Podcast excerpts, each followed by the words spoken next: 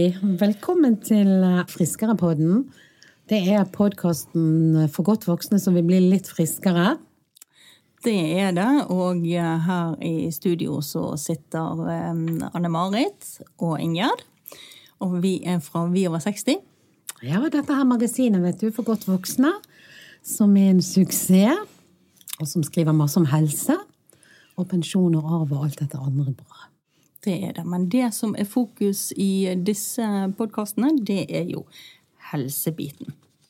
Og da følger vi eh, deg, Anne Marit, på din eh, reise, får vi jo nesten si det er. Eh, din livsstilsendring. Som er utløst av at du fikk en diabetes 2-diagnose. Og da tok du tak og fant ut at nå må jeg gjøre noe, for du vil forsøke å endre livsstilen din og bruke mat som medisin. Ja, det stemmer. Sant? Og nå har jo jeg Jeg er jo kommet veldig godt i gang. Som jeg sa veldig tidlig, hvis det var veldig enkelt dette, så hadde jo mange flere gjort det. Altså det å på en måte ta regi over sin egen skjebne, ta tak i sitt eget liv, eh, være sjåfør i eget liv, alle disse tingene her. Sant? Det er jo sånn ikke noe quick fix, og vi lever jo i et type samfunn der vi gjerne vil gå til legen og si 'fix me'. Men akkurat eh, når det gjelder dette her med å gjøre kroppen min friskere, så tenkte jeg søren heller. Dette er jo noe jeg, der jeg må legge inn egeninnsats. Det blir for lettvint å bare spise en pille. Jeg vet ikke om det er bare piller man spiser heller, egentlig, når det gjelder eh, diabetes, men jeg vet at det er mye medisin man kan ta for det. Eh, og selvfølgelig må du, så må du, men akkurat når det gjelder denne diagnosen, så er jo det sånn at eh, det beviselig er mange som har fått, eh, blitt kvitt det og fått det veldig mye eh, bedre. Og faktisk ja, blitt frisk. Og da tenker jeg kan andre, så kan vel jeg. Ja, og det å gjøre På sett og vis så um, er jo det også det, det enkleste, absolutt i gåseøyne, men, men, det å ta tak i den maten du spiser og den eh, fysiske aktiviteten du har hver dag. Ja, for du har jo faktisk kontroll på deg sjøl. Altså, jeg, jeg, liker å ha litt sånn fokus på det. Altså, vi må skille liksom mellom det vi kan gjøre noe med, og det vi ikke kan gjøre noe med. Det syns jeg er et godt utgangspunkt. Akkurat dette kan jo jeg faktisk gjøre noe med. Jeg, jeg, jeg er jo lat. Jeg, kunne godt tenke meg å eh, bare få lov til å være skrudd sammen sånn. Jeg kunne godt tenke meg at min kropp var sånn at han tålte all mat. At jeg kunne få lov til å spise hva jeg ville uten at disse kiloene rant på og skapte en masse problemer for meg. Men sånn er ikke virkeligheten. Så det å på en måte forholde seg til det som er realiteten, det er jo en greie oppi dette her òg. Sånn at nå når jeg eh, liksom er på denne veien, da, eh, har allerede gått ned eh, en god del kilo og fått en betydelig redusert BMI allerede. Fettprosenten er gått eh, kraftig ned. Eh, og det er jo fettmassen òg, da. De to, to, tingene henger jo sammen. Som jeg syns er veldig sånn motiverende. Og så er det eh, Det beste av alt er på en måte det at jeg kjenner at jeg har mer energi. Så det er jo en, er jo en positiv reise å være på av den grunn. Selv om hodet mitt kan krølle det til og kødde det til og gjøre sånn altså jeg kan ha sånn uker der jeg syns vet du hva, dette har vært grådig vanskelig. Uh, og siden vi snakket sammen nå sist, så har jeg vært en god del på jobbreiser. Og det er jo liksom sånn Med en gang du kommer ut av det som er den vanlige hverdagen Du kan lage deg veldig stramme rutiner. Du kan lage deg du, du, vet hva du spiser om morgenen, eller hva du ikke spiser. Sånn som jeg faster i år. Uh, jeg driver med litt sånn periodisk faste. Og da spiser ikke jeg eh, frokost til vanlig. Så mitt første måltid er lunsj. Eh, men når du er på reise, så er det kanskje frokosten som er det mest sånn stabile og enkle måltidet å få i seg, fordi at du kan spise noe på et hotell. Eh, egg og bacon, for eksempel, eller noe grønt. Og så kan det gå veldig veldig mange andre timer, eller flere timer, uten at du vet om du i det får tilgang på mat. Så det, det, høres jo ut til at du på den ene siden må være veldig eh, målrettet og, og holde eh, det matregimet du skal ha. Og så samtidig så må du være litt fleksibel ut fra den situasjonen som oppstår til enhver tid. Ja, og jeg har erfart nå i det siste at det å være mye på farten For jeg har jo en jobb der jeg må reise en del. Og vi har jo resort nede i Spania skal avslutte de nå for sesongen. Og i den forbindelse så har jeg jo vært en liten sånn turnérunde. Vært nede og snakket med vertene våre, møtt massevis av flotte lesere, vi over 60. Eh, det er jo det er skikkelig gøy. Men, men det har jo liksom beveget meg fra sted til sted. Omskiftelige dager, mye eh, eh, transport, logistikk, planlegging, massevis av møter med folk. Og det å på en måte få til maten innimellom, det er ikke bare enkelt. For det, det er annerledes mat når du er på reise. Det er annerledes mat i utlandet. Eh, ja, det er ja, Du får liksom ikke det samme. Du går ikke på liksom Kiwi-butikken og handler denne faste korgen som jeg nå er begynt å bli vant til å handle. Så det at plutselig eh, skulle begynne å ta aktive valg hver eneste dag. Gud, hva, hva, hvordan blir frokosten i dag? Hvordan blir lunsjen i dag? Sånn? Så jeg innførte jo nå når jeg var på reise, frokost. Som jeg da ikke gjør når jeg er hjemme. Og så måtte jeg veldig ofte droppe lunsjen, fordi jeg, jeg eh, satt enten opptatt i møter, eller det var ikke lunsj som jeg kunne spise tilgjengelig. Og så ble det en middag seinere på dagen. Sånn at det, var å snu på en måte sånn eh, spiserytmen litt eh, opp ned. Men eh, det fungerte greit, takket være at det fins nøtter, takket være at det, det fins eh, svart kaffe og vann, eh, takket være at jeg hadde kjøpt med meg noen sånne proteinbarer med lav eh, karboinnhold som jeg hadde i vesken, så var jeg faktisk ti dager på, på farten i Spania, og jeg vil si jeg klarte meg ganske bra. Eh, men eh, det var jo en refleksjon jeg gjorde meg, og det var jo det at Eh, nå når jeg har gått eh, disse ukene, sant? det er jo liksom min, min niende uke nå, da, og eh, så har jo kroppen Altså, jeg, jeg, har jo ikke sult på samme måte. Kroppen har jo stilt seg inn på en helt annen type spiserytme. Og det å ikke bli jaget ut av sin egen sult, det er faktisk utrolig deilig. Ja, altså, vet du hva, det, det, det tror jeg faktisk jeg kan nesten skrive en bok om. Ja, ja for det, eh, Vil du gå så langt og si at det, det, er en form for ny opplevelse, nesten? Ja, altså jeg syns det er en veldig deilig opplevelse. For det at uh, du blir veldig ufri uh, når sulten jager deg. Det er liksom min erfaring. Og jeg var jo på reise med noen nå som ikke går på dette her matregimet som jeg går på. Som også skulle forflytte seg fra sted til sted. Og, og de der var jo det veldig sånn jag hele tiden etter at vi måtte stoppe når vi transporterte oss fra A til B. og Eh, fordi at de er jo mye mer på den karbohydratmaten og hadde behov for å fylle på. Om det var noe med is, eller om det var med en bolle, eller om det var med noe en sandwich, eller you name it. Altså, og, og, jeg kjente jo ikke det suget. Så, det, så det der, noe av det mest sånn fantastiske med denne reisen som du sier så langt, er jo det at altså, matsuget mitt, sultsuget, er jo helt vekke. Og langt på vei søtsuget òg. Ja, for det var akkurat det jeg skulle spørre om søtsuget, som jo mange kjenner på, og etter en stund bare Det, det, det er jo du flink å, å fokusere på. Um, dette å fokusere på hva du kan spise, og ikke hva du ikke kan spise. Men det er jo mange som um, når de er på en eller annen kur, så blir de desperat etter et eller annet søtt. Ja, og den, den cravingen, da, som mange som vi kaller det, det er sånn den har jo jeg virkelig slitt med òg. Jeg har jo hatt eh, Tidligere, før jeg la om kostholdet, så var det sånn at jeg kunne klore ned veggene etter et eller annet søtt. eh, og gjerne noe salt. Altså Søtt og salt i kombinasjon er jo herlig. Farlig, farlig og herlig. Eh, og, eh, og det, det, dette vet jo de som produserer mat. sant? En dose søtt og en dose salt, og det blir eh, fett, for å si det sånn. Men, men, så jeg kunne jo virkelig kjenne om kveldene, spesielt om kveldene, når du hadde litt tid, sånn, at jeg leitet i skuffer og skap mm. og spiste egentlig hva det skulle være om det var noe tørre mariekjeks. Altså, du liker det egentlig ikke, men du må bare tilfredsstille et behov. Sant? Det er jo helt sprøtt, men jeg tror mange vil kjenne seg igjen i det. Men, men det, altså jeg har jo ikke det søtbehovet. Når jeg kjenner at jeg har et søtbehov, og det, det kan jeg Jeg syns det er veldig deilig å kjenne søt smak. Jeg er jo egentlig sukkeravhengig. Jeg må vel egentlig tenke på meg sjøl som sukkeravhengig fremdeles. Det skal lite til å vippe meg ut på. Jeg tror det at jeg må tenke sånn som en alkoholiker at uh, det er ikke sånn at fordi man har vært åtte-ni uker vekke og av, altså blitt av uh, detoxet eh, på sukker, at det liksom er varig.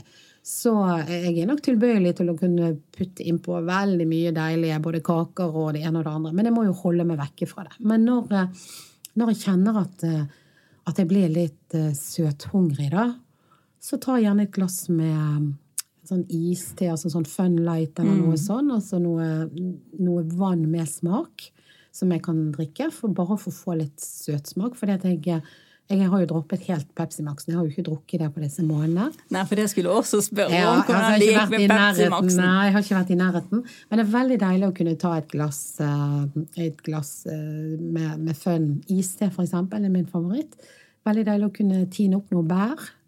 eh, hive det i en foodprosessor eller en blender sammen med litt mandelmelk, for eksempel. Eh, og litt kokosmelk, og så lage en, bare en deilig smoothie. Sånn at du får det der søte. Og når jeg er på kontoret, og det vet jo du, Inger, så har jeg en liten tendens til å gå bort og så stjele, låne eh, en liten tyggegummi. Eh, for eksempel en liten ekstra. Rett og slett bare fordi at eh, hvis jeg kjenner at liksom, åh, nå trenger jeg et eller annet. Der du tidligere kanskje hadde tatt en sjokolade eller et eller annet stort, sant? Så, så holder det nå med å ta denne li- lille tyggegummien. Så Hugo på kontoret, jeg vet at jeg skylder deg innimellom, eh, men jeg betaler tilbake sånn når jeg har vært ute på reise, for han har jo alltid tyggis. Men, men det, er, det er noe med det å finne disse her småtingene som du faktisk kan spise, uten at det trigger blodsukkeret, uten at, du, at det er fullt av sukker. Og så ikke gjøre det til en vane å ha noe søtt i munnen hele tiden, tror jeg. Eh, For det merker jo jeg òg, at eh, det er jo godt å ha noe søtt i munnen. Det er jo noe av grunnen til at jeg har droppet Pepsi Max. Det er jo rett og slett for ikke å ha den støtet på tungen hele tiden. Så jeg er jo litt sånn bevisst å ikke fylle på liksom hele tiden. Men eh, ja, du har innimellom behov. Altså, det er jo sikkert både hormonelle ting og alt. Altså, du bare kjenner Du kjenner at du innimellom får lyst på, på noe søtt. Og da er, ja, da er det å finne alternativer, rett og slett. Jeg var jo litt sammen med deg når du var i Spania, og jeg la jo merke til at du eh, avsto fra dessertene, som slett ikke så dårlige ut, altså. Så um, det, Ja. Og det, og det å avstå, så det var jo en sånn tanke som jeg gjorde. For at, eh, dere i eh, Vi over 60 var jo med ned. Jeg reiste jo ned med alle de ansatte.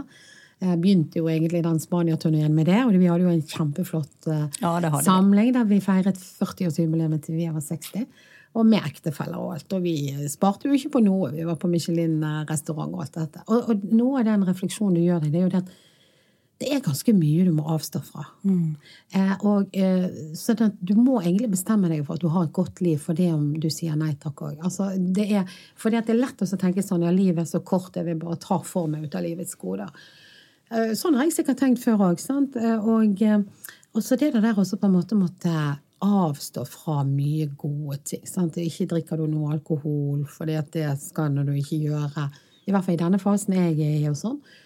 Du sier nei takk til gode desserter, som du sier. Du sier nei takk til gode råvarer òg, som bare ikke er innenfor det kostregimet som du har.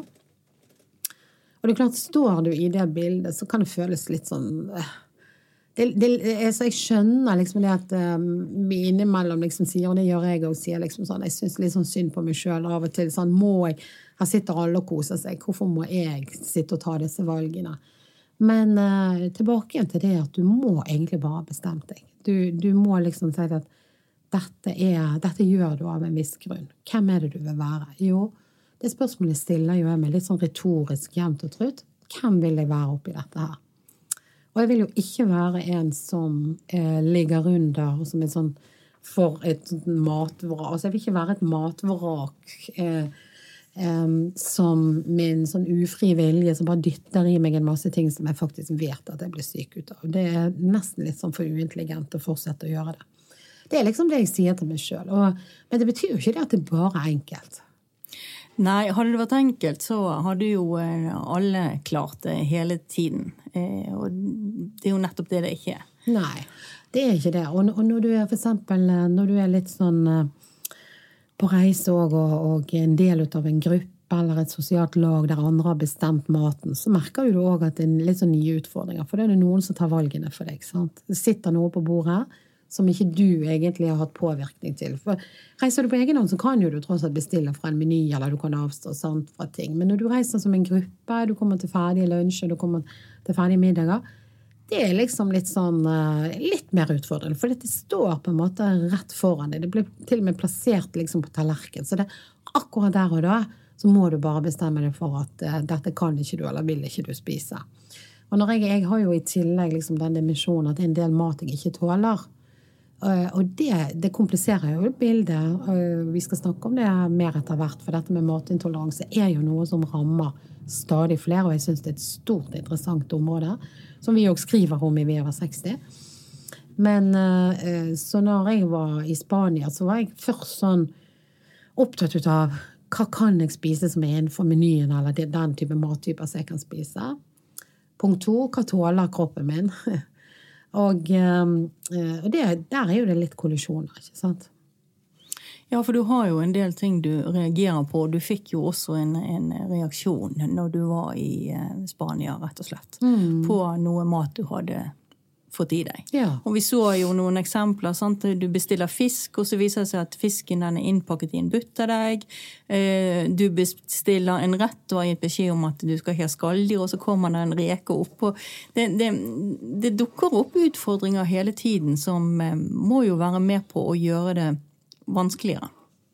Ja, og det, altså det betyr at du må ha hodet skrudd på hele tiden. Og det, det er det merker jeg virkelig. Altså, med en gang du sovner hen i hodet og glemmer nær sagt eh, både eh, punkt én, at du er på en kur som heter lavkarbo, f.eks., eh, og punkt to, at du faktisk har slått ut på en del matprodukter som, som gjør deg dårlig. Du får reaksjoner, og du så jo sjøl at de kommer ganske akutt. Altså. Det er det handler ikke nødvendigvis om eh, altså Det er jo både ting som skjer inni kroppen som ikke andre kan se, men det er jo òg fysiske mm. ting som at man får neller og utslett, og at man faktisk blir hvit i ansiktet og får eh, så, også blir småkvalm og svimmel. Det er, det er, ganske utrolig hvordan eh, mat som du ikke tåler, eh, egentlig påvirker kroppen din. Altså. Og nå når jeg har Dette har jo jeg forhørt meg litt med lege Sofie Hekseberg om. Eh, og nå når Eh, når du tømmer og detoxer kroppen sant, og tilfører mindre av mindre ting, altså sukker og karbohydrater, som jeg heller ikke har tålt sant? Det er jo, når, du detoxer den på den måten, så blir jo du Hele systemet ditt blir litt mer sånn um, sårbart for Altså, den reagerer kjappere Nettopp. på en del av de andre tingene. Sånn at der du kanskje ikke har fått noen reaksjoner før, men nå har du detoxet deg. Du er mer innpå uh, tarmvegger og celler og altså, hele, hele floraen din er jo sant? Det skjer jo en stor kroppslig prosess når man endrer opp. altså Når man bytter ut et høykarboinnholdsrikt mat til noe som er noe helt annet, så skjer jo det ting. Sant? Hele bakteriefloraen din alle, Det er utrolig mange ting som skjer inni kroppen. Sånn at jeg reagerer nok nå lettere på en del ting som jeg ikke eh, gjorde tidligere. For dette var allerede så mye støy og drit inn i systemet. Men dette skal jo vi snakke mer om akkurat når det gjelder dette med matintoleranse etter hvert eh, i, i, en egen pod, uh, podkastepisode. Ja, for det, igjen, det, det, handler jo om å um, kjenne sin egen kropp. Mm og, når, og, når, man kjenner sin egen kropp og steller, steller pent med den, rett og slett. Ja, det gjør det. Det gjør det. Og um, um, dette med hvordan mat Det som jeg syns er fascinerende, det er jo det at uh, prosjektet her handler jo nettopp om å se, se, på betydningen av mat som medisin. Altså, er det faktisk sånn at uh, vi blir påvirket av det vi spiser? Det syns jeg at jeg allerede har dokumentert ganske godt. Så sånn sett så kunne jeg ha avsluttet prosjektet prosjekt og sagt at ok, done. Men det er jo selvfølgelig altfor kort tid til det. Vi, uh, vi, skal jo holde på. Jeg har jo tenkt å holde på i i uh, tiden fremover, og hvor lenge vi dokumenterer det her og sånt, det er jo én ting. Men altså, jeg har jo en, livs, altså en varig livsendring. Sant? Vet jo det at jeg ikke kan gå tilbake igjen til, til uh, uvaner og den måten, de prioriteringene jeg gjorde før. Men, uh, men jeg syns jo det at resultatene kommer jo veldig fort. Og det var faktisk han jeg bor sammen med, så et program på TV her forleden dag. Det er sikkert mange av dere som lytter som har òg sett det, jeg tror det var på NRK Livsstil, der så jo de på akkurat dette med mat som medisin i forhold til diabetes, og spesielt diabetes type 2. Og det var jo faktisk gode effekter bare etter to-tre uker på nytt kosthold. Sånn at dette begynner jo å bli veldig mye dokumentasjon på. Sånn at jeg blir jo egentlig bare en av mange som bekrefter dette. Og så er jo det sånn at det er jo ikke alle som har diabetes, eh, og, og, og det på en måte er grunnen til at eh, at folk skal legge om. Det er så mange, men de fleste har jo ulike plager, eller mange har plager som òg er relatert litt sånn i mm. samme type familie, uten at det nødvendigvis er den diagnosen. Sånn at eh, det er jo kanskje litt sånn jeg tenker det at av og til at det er litt sånn mange velger den lettvinte løsningen tenkte sånn, ja, ja, jeg har heldigvis ikke diabetes 2, så jeg kan jo fortsette sånn som eh, Men eh, hallo, hallo, sant? Det kan være Har du problemer med leddene dine? Har du problemer med, med energi i kroppen? ME? Altså, det er jo så mye fibromyalgi. Det er så utrolig mange eh, nær sagt litt sånn beslektede eh, diagnoseområder som de faktisk eh, er ganske tydelige på eh, har en sammenheng med maten du spiser. Og derfor så tenker jeg at eh, det er nok utrolig mange flere enn meg som burde testet ut akkurat dette. Og jeg håper jo det, med å være såpass tydelig og ærlig og beskrivende som jeg er nå eh, i denne podkasten og gjennom Vi over 60, at jeg kan faktisk være med og motivere folk til å titte liksom på sin egen helsesituasjon. Det er jo noe av målet. Ja, og så tenker jeg at, at, Selv om man ikke har en diagnose eller har noen sånne uttalt alvorlige plager, så eh, er det jo viktig at eh, det med det forebyggende, rett og slett. At du kan forebygge plager ved å endre kostholdet ditt. Ja, du, ja, du, du trenger ikke vente på å få en diagnose. Det er helt riktig. Og jeg, eh, jeg holdt jo foredrag nå når vi var i Spania. Da, så alltid når vi besøker disse her eh, resortene våre, så er jo det, det er hundrevis av gjester der nede. Og det er jo veldig gøy å komme som redaktør av Vi over 60 og holde foredrag. Fortelle om Vi over 60, fortelle hvordan vi lager blad. og hva som er motivasjonen vår og alle disse tingene. Og eh, det er jo utrolig mange lesere og abonnenter, så de rekker opp hånden og sier 'ja, jeg er medlem hos deg'. og det er jo kjempegøy. Men eh, jeg brukte jo selvfølgelig anledningen nå når jeg var på tur, til å snakke om å bli friskere med Vi over 60.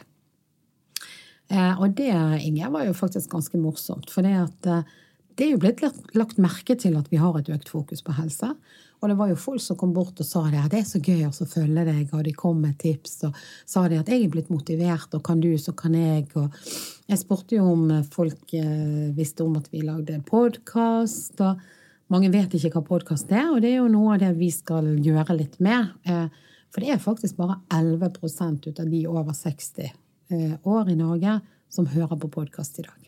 Da tenker jeg det må være en oppgave for alle dere som er inne på podkast og eh, lytter til oss, å fortelle det videre til venner og kjente eh, at det går an å laste ned en app, og det er veldig, veldig enkelt. Ja, det er veldig enkelt, og, du, og du jo, vi har jo gjort det så enkelt òg at du kan gå inn på viaver60.no og finne alle episodene. Sånn, sånn, at eh, det er ikke noen grunn til at ikke du kan høre.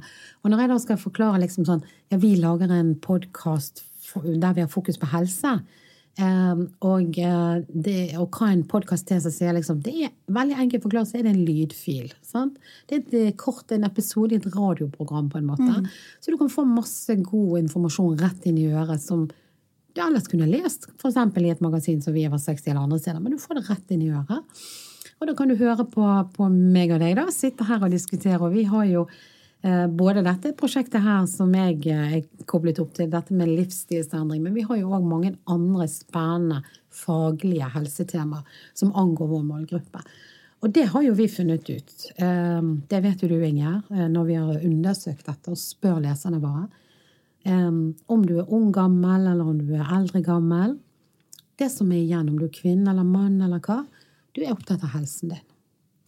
Eh, nettopp fordi at hvis du mister helsen, så er, da mister du veldig mye. Da mister du egentlig muligheten til å gjøre aktive valg eh, som påvirker livskvaliteten din i livet. Ja, du, du, mister selvstendigheten din, rett og slett. Ja, du gjør det. Og det er jo frykten for de aller fleste av oss. Ja, og det er helst der vi ikke vil komme. Og, og, og derfor så syns jo det er så gøy når folk kommer bort og sier ah, 'Jeg leser det du skriver, og jeg hører deg på poden'.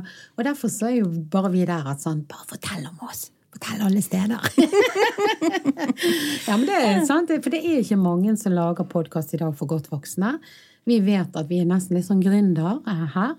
Eh, når det er bare 11% over 60 i Norge som hører, så vet vi det at det er mange som aldri vil høre disse podene. Men samtidig så ser vi at vi har veldig fine tall på de to første utgavene og tre første utgavene vi har laget.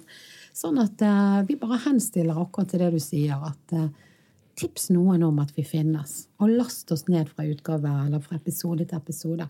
Så blir du med på en spennende reise her med oss òg i, i denne friskere podden.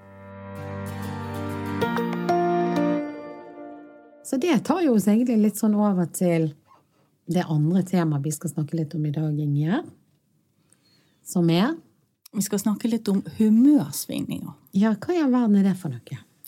Ja, det tror jeg de aller fleste av oss kjenner til. At det, det går litt eh, opp og ned her. Og eh, noen eh, dager så er vi veldig positive, og alt går lett, og du er i godt humør.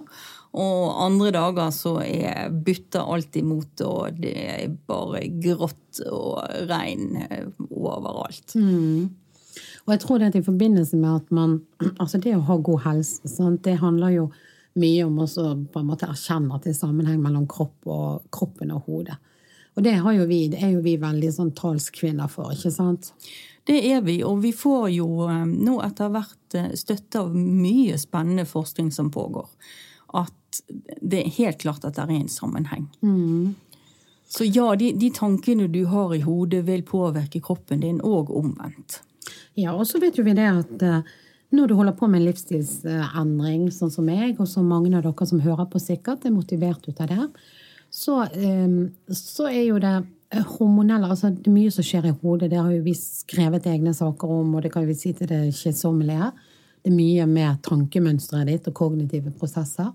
Og så er jo det ting som skjer i kroppen òg. Hormonelle endringer. Altså det, det å endre et kosthold så til de grader, sånn som jeg gjør, f.eks., og som mange andre vil gjøre, gå fra ett eh, nær sagt fyringssystem til kroppen. Det er jo det karbohydratmat er. Sant? Altså, vi fyrer jo, det er jo energi til kroppen vi gir.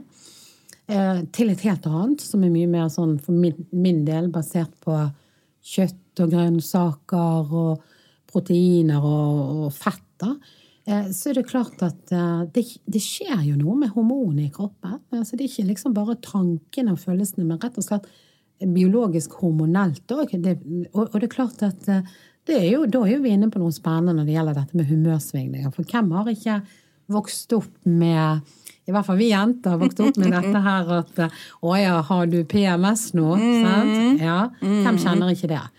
Eh, og det er jo veldig lett for gutter å dra den når vi har en eller annen type atferd eller oppførsel som eh, passer de dårlig. Det er sånn, å ja, hun er premenstruell. Ja, det er en, en, eh, litt for enkel forklaring, tenker jeg. Mm. Det en... Men det er jo klart at det det forteller noe om, sant? det er jo en veldig sånn betegnelse på en periode i livet der det er mye hormoner i sving, ikke sant? Og når vi, de årene vi menstruerer Nå er jo vi blitt godt voksne damer, og de fleste mister jo menstruasjonen etter en tid, men når du menstruerer, så skjer jo det òg store hormonelle forandringer i kroppen. Som òg påvirker rett og slett lykke, opp- og nedturhormoner i mm. hjernen. ikke sant? Så det, alt er jo så fint laget sammen i systemet vårt. Kroppen er jo et fantastisk maskineri som på en måte påvirker eh, hverandre på godt og vondt. Og det som, eh, som, jeg ser nå når det gjelder dette med humørsvingninger og livsstilsendring, ja, eh, kjempeutfordring. Fordi at når du, når du kjenner at ting fungerer bra i kroppen, du klarer å holde deg til en diett eller en plan, du kjenner at virkningen kommer, da får jo du en opptur. ikke sant? Det er akkurat som det bare påvirker disse her lykkehormonene. og det er Bare sånn, ah, bare denne mestringen med mm. å faktisk klare det. Og du vet, Vi etablerte jo veldig tidlig denne boken, der er sånn søndagsskoleboken, sant? med å gi stjerner og Ja da, det, ja. det husker jeg du skrev om. Den, den, ja. Det er en fin måte å gjøre det på, rett og slett. Ja, og, og gi seg sjøl litt sånn klapp på skulderen. Ja, det blir veldig sånn visuelt. sånn, 'Å ja, dette har jeg klart', eller 'dette har jeg ikke klart'. Eh, og det, og det er klart at eh, de dagene når du kjenner at eh, det er lykkehormonet er på din side, og ting på en måte verden det blå himmel ut, og ting er veldig bra, så er jo det bra å være deg, og ting, ting går på skinner. Og så har jo du denne plutselige sånn nedturen dagen etter av en eller annen grunn, som du enten forstår eller ikke forstår. Men, men det er jo det som mye kjenner dette med humørsvingninger. Sant? De plutselige endringene i følelser. Og av og til så klarer jo ikke vi å kontrollere atferden. Nei, og noen ganger så eh, får du høre at eh, nei, nå, nå må du ha veldig lavt blodsukker og gå og spise noe fordi at du mm. blir litt sånn aggressiv og, mm. og um, får litt kortere lunte. Mm. Men det er jo faktisk dokumentert at blodsukker har jo direkte påvirkning altså på altså Noen er jo helt umulig å være i lag med hvis de har lavt blodsukker. Men det er vel kanskje litt for lettvint å liksom vise til, for det hører jo en del brukere som en unnskyldning. Jeg hadde så lavt blodsukker, ja. Og så fikk du to tette, enten verbalt eller altså at de, de klarer ikke å kontrollere atferden sin da, sant, før de på en måte har fylt på fuel. Og det, det, er klart altså, Dette med humørsvingninger skal jo vi ta på alvor. Hvis du ser på forskning rundt dette òg, så er jo det sånn at uh, i gamle dager så ble jo du liksom sett på som litt sånn hysteri. sant? Altså du, mm. Dette å miste liksom kontroll over seg sjøl. Eh, plutselig være, gå fra normal til å bli litt sånn småhysterisk. Eh, ble jo da egentlig sett på som nesten litt sånn sykelig, eller som en diagnose i, gamle dager. Eh, ikke i dag. I dag er vi, altså vi forholder jo oss til at humøret går opp og ned. Vi vet at det er ganske vanlig at det gjør det. Men jeg merker jo godt som har lagt om kostholdet, at kosten påvirker òg humøret ditt. Men du snakket om at um, du opplever, når du opplever mestring, og alt går etter veien, og alle målinger er bra, uh, så gjør det noe med deg. Men, men når det er motsatt, da?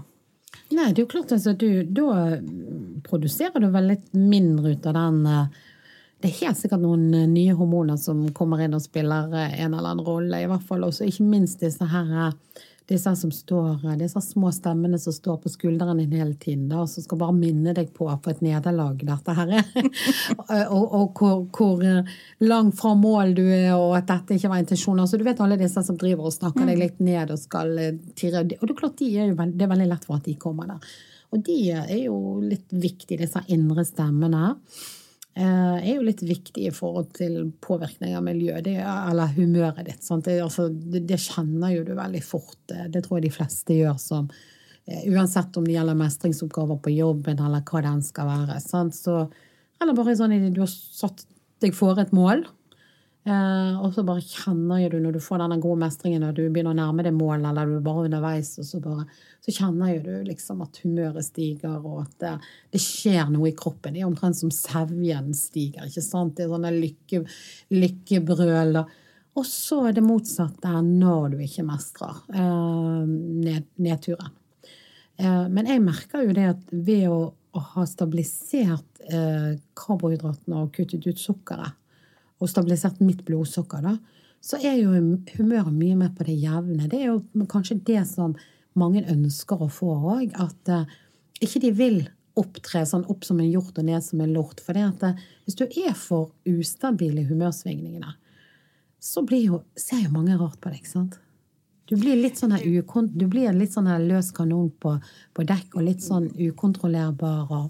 Du blir litt uforutsigbar for andre, kanskje. Mm. Og så har du jo også dette med stress. Mm. Eh, og være i, i, situasjoner med mye stress. Og det er jo veldig mange av oss i den moderne verden. Mm. Og det virker jo direkte inn på eh, insulinproduksjonen og opptaket i kroppen som har med, med den diagnosen du har fått. Ja.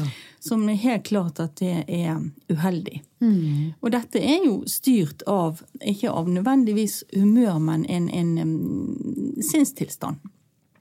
Som, ja. som, virker direkte inn på, på hormonbalansen i din egen kropp. Mm. Som nok et bevis på at dette henger sammen.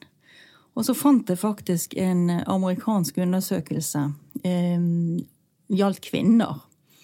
Eh, menn med mye eh, variasjoner i blodsukker, eh, og spesielt lave nivåer, kunne faktisk føre til depresjonslignende tilstander. Ja. Så eh, på den ene siden så er jo humørsvingninger er jo normalt. Eh, og på den andre siden så er det klart at hvis det blir store svingninger, så, så det jo, eh, kan det bli sykelig.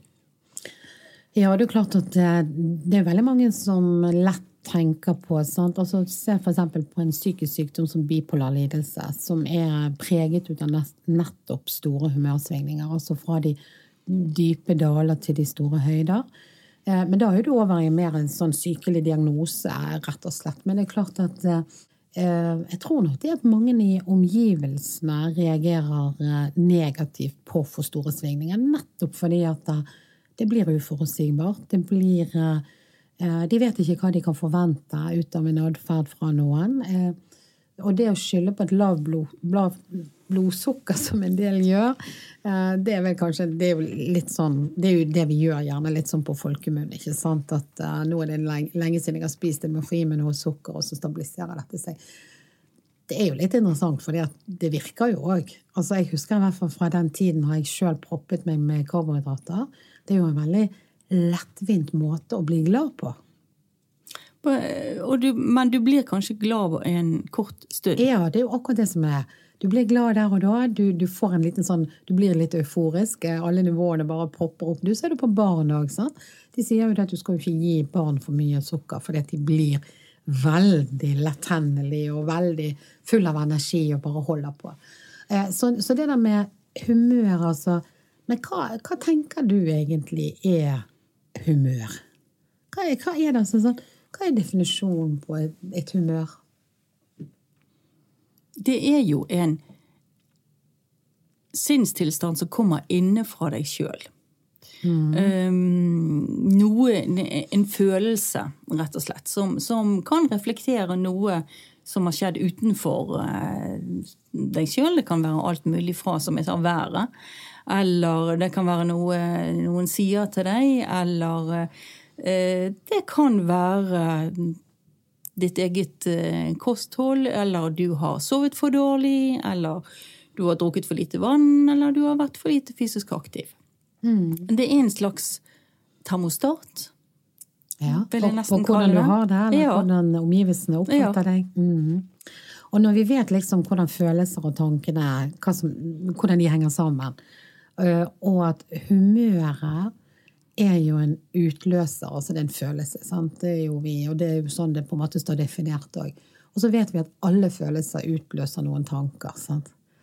Og derfor så tenker jeg at eh, det å ha litt sånn kontroll på humøret òg, altså ting, gjøre ting for seg sjøl som kan stabilisere humøret, altså det å få litt mer utflatinger eller være litt mer stabil der, det er bra. For det at eh, hvis du går veldig opp og ned når det gjelder følelser, og samtidig, og det påvirker tankesettet ditt, så blir jo det veldig krevende med alt det tankekjøret sant? i det ene øyeblikket og i det andre øyeblikket. Altså man, man driver seg sjøl sånn tankemessig òg veldig fra det ene stedet til det andre. Så jeg tror jo det at det å, å på en måte Alle gode ting som man kan gjøre for å nær sagt Klart vi aksepterer at humøret går opp og ned. Eh, vi våkner om morgenen, vi kan ha en kollega på jobben, eller det kan være et familiemedlem, sitter med frokosten mutt og litt sånn. Så aha, stått opp med feil fot i dag. ikke sant? Altså, av og til så våkner jo vi bare med et humør. Vi mm. gjør jo på en måte det. Det er akkurat som en grunntone et eller annet i det. ikke sant? Du vet ikke helt hvor det kommer ifra. Var det noe du drømte i natt? Var det noen tanker du tok med deg inn når du sovnet? Det er jo sånne refleksjoner som du av og til kan gjøre. Sånn. Hvorfor, hvorfor, våknet jeg med dette? Litt tungsinn i dag. Det er jo òg en følelse, en humør. Sånn. Og så syns jeg det er interessant da, når Sofie Hekseberg og andre som er interessert i dette med mat, forteller at vi faktisk kan spise oss glad. Altså Det syns jo jeg er veldig interessant. Ja, for det har jo de litt som et motto. Ja. At du kan spise altså, deg glad. Du, du kan, rett og slett våkne litt sånn pissur og bare litt down en morgen. Eh, og bare kjenne at dette er eh, Jeg vet ikke hvorfor jeg har det sånn, men jeg har det sånn. Det kan være hormonelt, eller det kan være noe tankemessig, eller hva vet vi. Og så kan du faktisk velge deg noen matprodukter som gjør at du blir litt bedre sånn positivt til sinns. Og, og, og, det syns jeg er veldig interessant. Bær, for eksempel. En god del bærtyper skal jo påvirke. For det faktisk påvirker eh, kroppen din. Det gjør at du blir lettere og til sinns. Så, så, det å fokusere liksom sånn for alle gode formål, ja. Det å, å endre, altså enhver endring er krevende, det vet vi. Om det handler om livsstil, om det handler om endring av mat, om det handler om andre endringer du må gjøre i livet ditt og du sitter gjerne hjemme i stuen din eller går på tur nå eller på trening og har oss på poden, og så tenker du liksom sånn Ja, dette med livsstilsendring er ikke nødvendigvis det som er min greie. Nei, men kanskje du har en annen greie. For vi, vi lever jo i en endrings- og omstillingsverden. Så det er også at vi er nødt til å på en måte til enhver tid koble oss på eh, de, og tåle de endringene som måtte komme vår vei. Eh, og hvor fantastisk er det ikke da at vi kan tilføre eh, mat, for eksempel, som kan gjøre oss glad. Det syns jeg er noe vi skal snakke mer om i en seinere pod, Inger. Det skal vi. Og vi skal også snakke litt mer om dette å være i en følelse å tåle. I en seinere pod når vi skal snakke om selvskading. Ja, det skal vi. Så det, det, ser jeg frem til. Og jeg håper det at dere som lytter på oss, òg vil være med i neste episode som vi skal som kommer neste onsdag. Um, og i mellomtiden, hvor kan folk gå inn, da? De kan gå inn og melde seg inn på 60 Minuttersbevegelsen.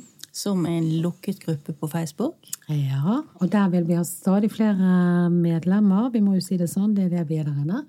Der kan du faktisk, altså når du er ute, om du er ute og går, om du sykler når du hører på podden, om hva du enn gjør, om du bare er hjemme og kokkelerer eller støvsuger eller hva som helst, ta et eller annet bilde, skriv noen linjer om hvorfor aktivitet i seg sjøl er viktig og riktig, og hvorfor du akkurat velger å gjøre dette. For dette skal være et sted der vi skal motivere hverandre til litt mer aktivitet. Og vi snakker veldig mye om hverdagsaktivitet her. Ehm, den enkle aktiviteten er ikke nødvendigvis det å gå på treningsstudio, men å ta deg en tur, og som du sier, ja, gjøre husarbeid i seg sjøl er jo en aktivitet. Um, vet du hva jeg gjorde denne helgen? Nei, før jeg. Bar stein. Wow, bar du stein? Jeg har fått nytt hus, vet du. Ja. Og der er det en steinmur. Aha. Og eh, det var noe stein som skulle flyttes fra et sted til et annet. Ok. Og det var uh, Ingen gravemaskin, men Ingjerd. Ja. ja Vel, veldig uh, naturlig uh, trening. Ja, akkurat. Så det holdt du på med i helgen? Det holdt jeg på med i helgen. Kjempegod trim, da. Veldig. Men jeg prøvde å være nøye med å løfte riktig, da, så jeg ikke skulle få vondt i ryggen. Og Akkurat. må ta litt hensyn til uh, at jeg ikke er 30 lenger. Ja, det, ja, men det er jo imponerende. Nei, vet du hva, jeg, jeg har jo fått gjort litt grann i helgen, jeg òg, da. Uh, jeg gjorde yoga. Ja, det er du flink til. Ja, altså Jeg satt meg ned på gulvet og gjorde yin-yoga. Men det som jeg merket, det var jo det at det har jo vært mye på reise de siste ukene. Sånn at jeg har ikke fått gått på vanlig treningsstudio sånn som jeg pleier. Og jeg har heller ikke sittet meg så mye ned på gulvet og gjort øvelser. Sånn at når jeg da har satt meg ned i de vanlige yogastillingene som jeg egentlig går veldig lett inn i, så kjente jeg au, au, jeg var stiv. Det skal lite til. Du skal ikke være vekke så lenge uten at du kjenner at du stivner til. Så jeg fikk meg et lite strekk i kneet da må du også, du også ta litt hensyn til kroppen din. Ja, Så det at nå er det egentlig bare å la det hele seg litt. Men du som sitter og hører på, følg med på Facebook-siden vår også. Bli friskere med Vi over 60. Hver eneste uke så har vi, hver eneste dag har vi flere gode tips om mat og forskjellige ting. Og så kan du altså gå inn i denne her Facebook-gruppen vår som er lukket. 60 minutters bevegelsen. Så da gjør det, så sees vi, eller vi lyttes i hvert fall om en uke. Ikke sant, Inger? Det gjør vi. Takk for oss. Takk for oss. Ha det.